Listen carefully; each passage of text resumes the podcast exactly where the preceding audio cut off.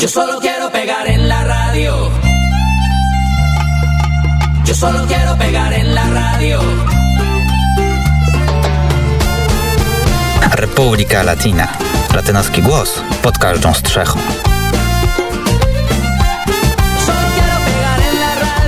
Moi buenas tardes. Jest z nami już Zbyszek Dąbrowski, Republika Latina.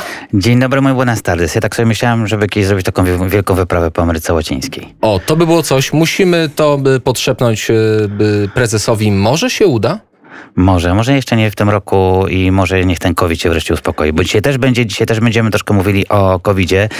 Natomiast zaczniemy nasze informacje z Ameryki Łacińskiej, zaczniemy od Meksyku, od podwójnego trzęsienia ziemi. E, pierwsze takie w sensie dosłownym rzeczywiście trzęsienie ziemi miało silne, zresztą się, trzęsienie ziemi o sile 7,1 e, stopnia e, skali magnitudzie. Miało miejsce w stanie Guerrero 14 15 km na południowy wschód od miasta Acapulco, którego, o którym chyba że tam wspominać nie trzeba, gdzie to jest. E, kilkanaście osób rannych mamy, mamy jedną ofiarę śmiertelną. Jest to mężczyzna, na którego spadł słup w, mie w miejscowości Coyuca de Benitez. To jest taka mała miejscowość na północ z kolei od Acapulco. Natomiast wstrząsy oczywiście odnotowano też w innych stanach. Mówimy tutaj o stanach Guerrero, Morelos, Puebla, Oaxaca, aż do miasta Meksyk, czyli w zasadzie te wszystkie stany, które znajdują się w sąsiedztwie stanu e, Guerrero. Natomiast drugie trzęsienie ziemi ma takie mniejsze, może trzęsienie ziemi w sensie symbolicznym. E, miało miejsce wczoraj, e, wczorajszego popołudnia. Otóż Sąd Najwyższy e, Meksyku e, uznał za niekonstytucyjne karanie za e, dokonanie aborcji. Ta decyzja była jednogłośna i uważana jest również za historyczną, ponieważ otwiera drzwi dla kobiet w całym kraju, aby miały dostęp do zabiegu. Oczywiście to mówimy tutaj e, do tego, czy w ogóle to kiedykolwiek nastąpi. Droga jest bardzo, bardzo daleka. W tej chwili w Meksyku, podobnie zresztą jak w Polsce, mamy e, w większości kraju e, zakaz przeprowadzania aborcji poza pewnymi warunkami. Przypomnę Państwu, że Meksyk jest krajem federalnym, w związku z tym też każdy stan ma inne prawa troszkę e, wobec, wobec danego, danego zagadnienia, chociażby tak jak tutaj e, w sprawie przerywania ciąży. E, Generalnie w całym kraju obowiązuje, jest jedna, jedno wykluczenie, to znaczy kiedy ciąża jest w wyniku gwałtu. Natomiast w niektórych stanach mamy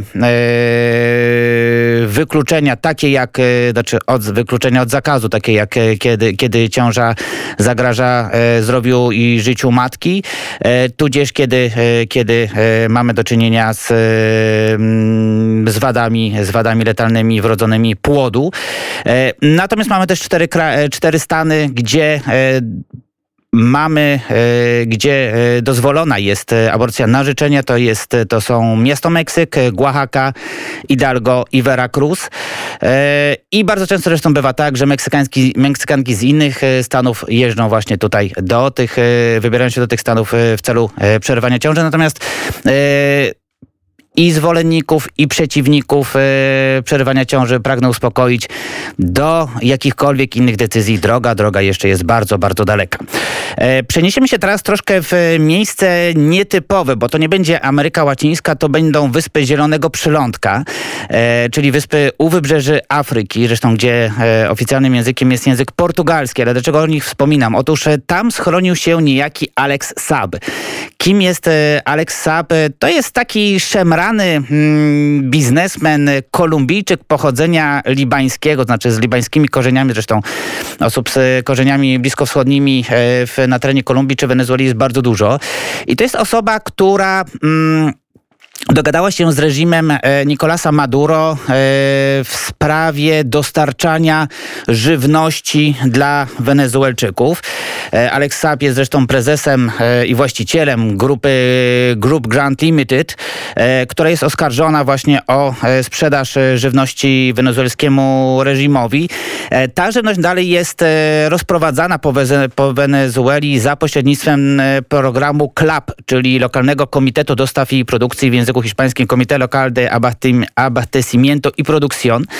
E, I ta żywność jest dostarczana w paczkach dla ubogiej ludności. Dlaczego, dlaczego o tym e, wspominamy? Dlatego, że jest to system, e, który, generuje, który generuje maksymalną korupcję. Dzięki temu systemowi naprawdę mnóstwo ludzi, znaczy no może, na może nie, nie, nie aż tyle w skali całej Wenezueli, ale naprawdę bardzo wiele osób związanych z reżimem, przede wszystkim Nicolasa Maduro, w tym sam Nicolas Maduro, ale również i Alex Saab, e, wzbogaciło się. Wzbogaciło się, mówimy tutaj o wartościach rzędów e, setek milionów dolarów. Zresztą ta żywność, e, bardzo często ten, ten cały program był krytykowany, dlatego że dostarczany jest on niekoniecznie do tych osób, które powinny dosta dostawać te paczki. To po pierwsze. Po drugie, zawartość tych paczek, jakość tej żywności, która, która znajduje się w paczkach, bardzo, bardzo często odchodzi od wszelkich jakichkolwiek norm przyjętych, powiedzmy, dla, dla żywności.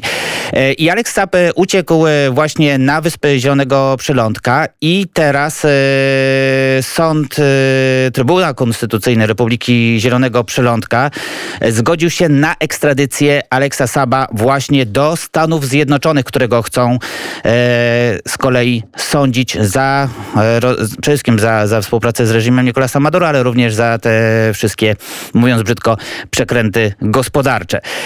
Pozostaniemy w tematyce wenezuelskiej.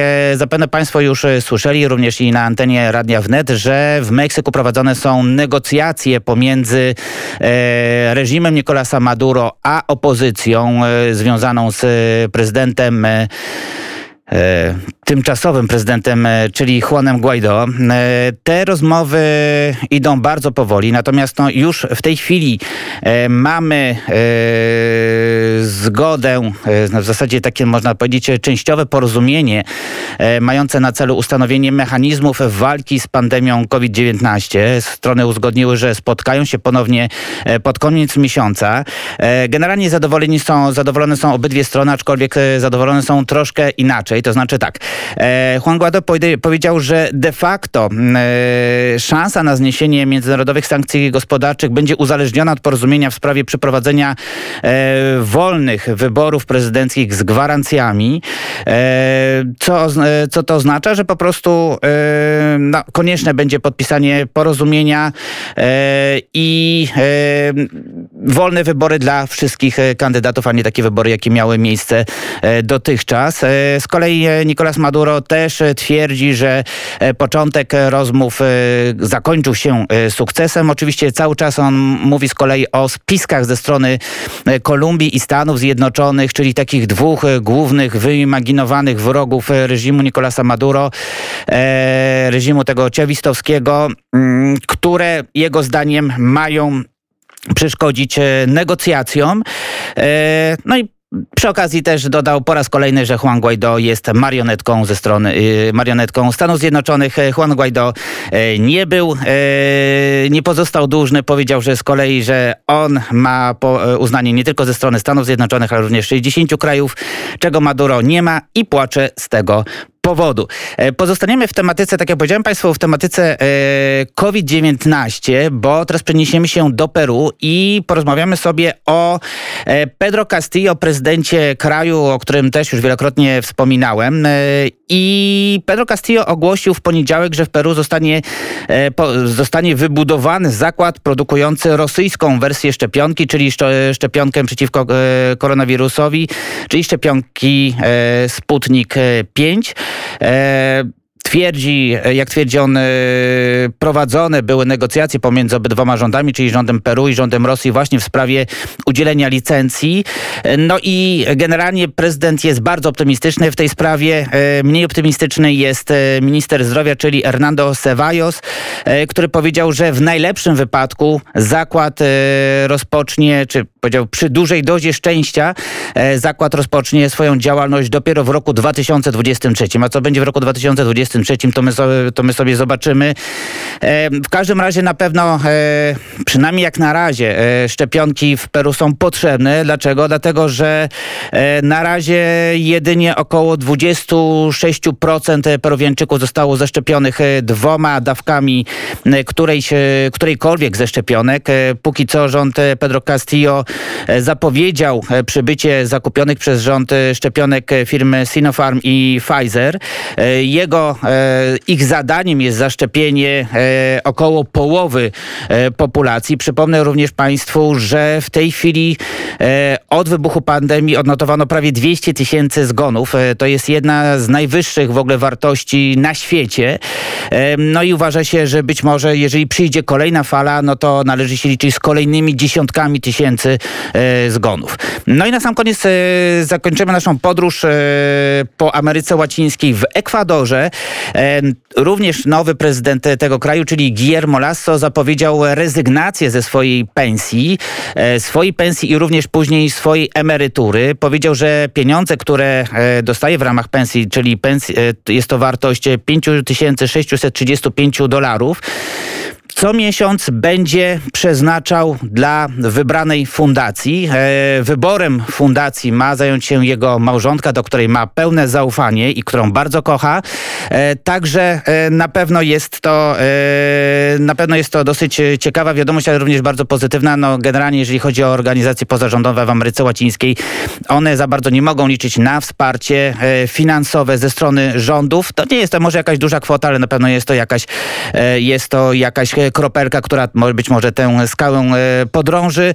E, Dodam również, e, że i zwykli Ekwadorczycy powinni e, mieć możliwość e, e, wzbogacenia się dzięki rządom e, Guillermo Lasso. Guillermo Lasso zapowiedział e, podniesienie podstawowej pensji z 400 do 500 dolarów. Przypomnę zresztą Państwu, że dolar amerykański jest walutą obowiązującą w Ekwadorze.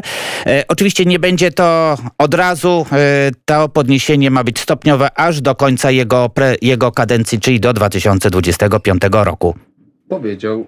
Powiedział Zbyszek Dąbrowski, Republika Latina. Dziękuję i słyszymy się za tydzień, a za tydzień drobna zajawka, ważne wydarzenia. Za tydzień chciałbym, żebyśmy porozmawiali sobie, skupili się na Ameryce Środkowej. Dlaczego? Dlatego, że za tydzień cała Ameryka Środkowa, może prawie cała, od Gwatemali po Kostarykę, o tym też zresztą wspomnę Państwu, mam nadzieję, e, będzie świętować dwustulecie niepodległości. Zresztą no, niepodległość też będzie świętować Meksyk, niedługo potem będzie świętować również Chile, no ale nie jest to okrągła rocznica.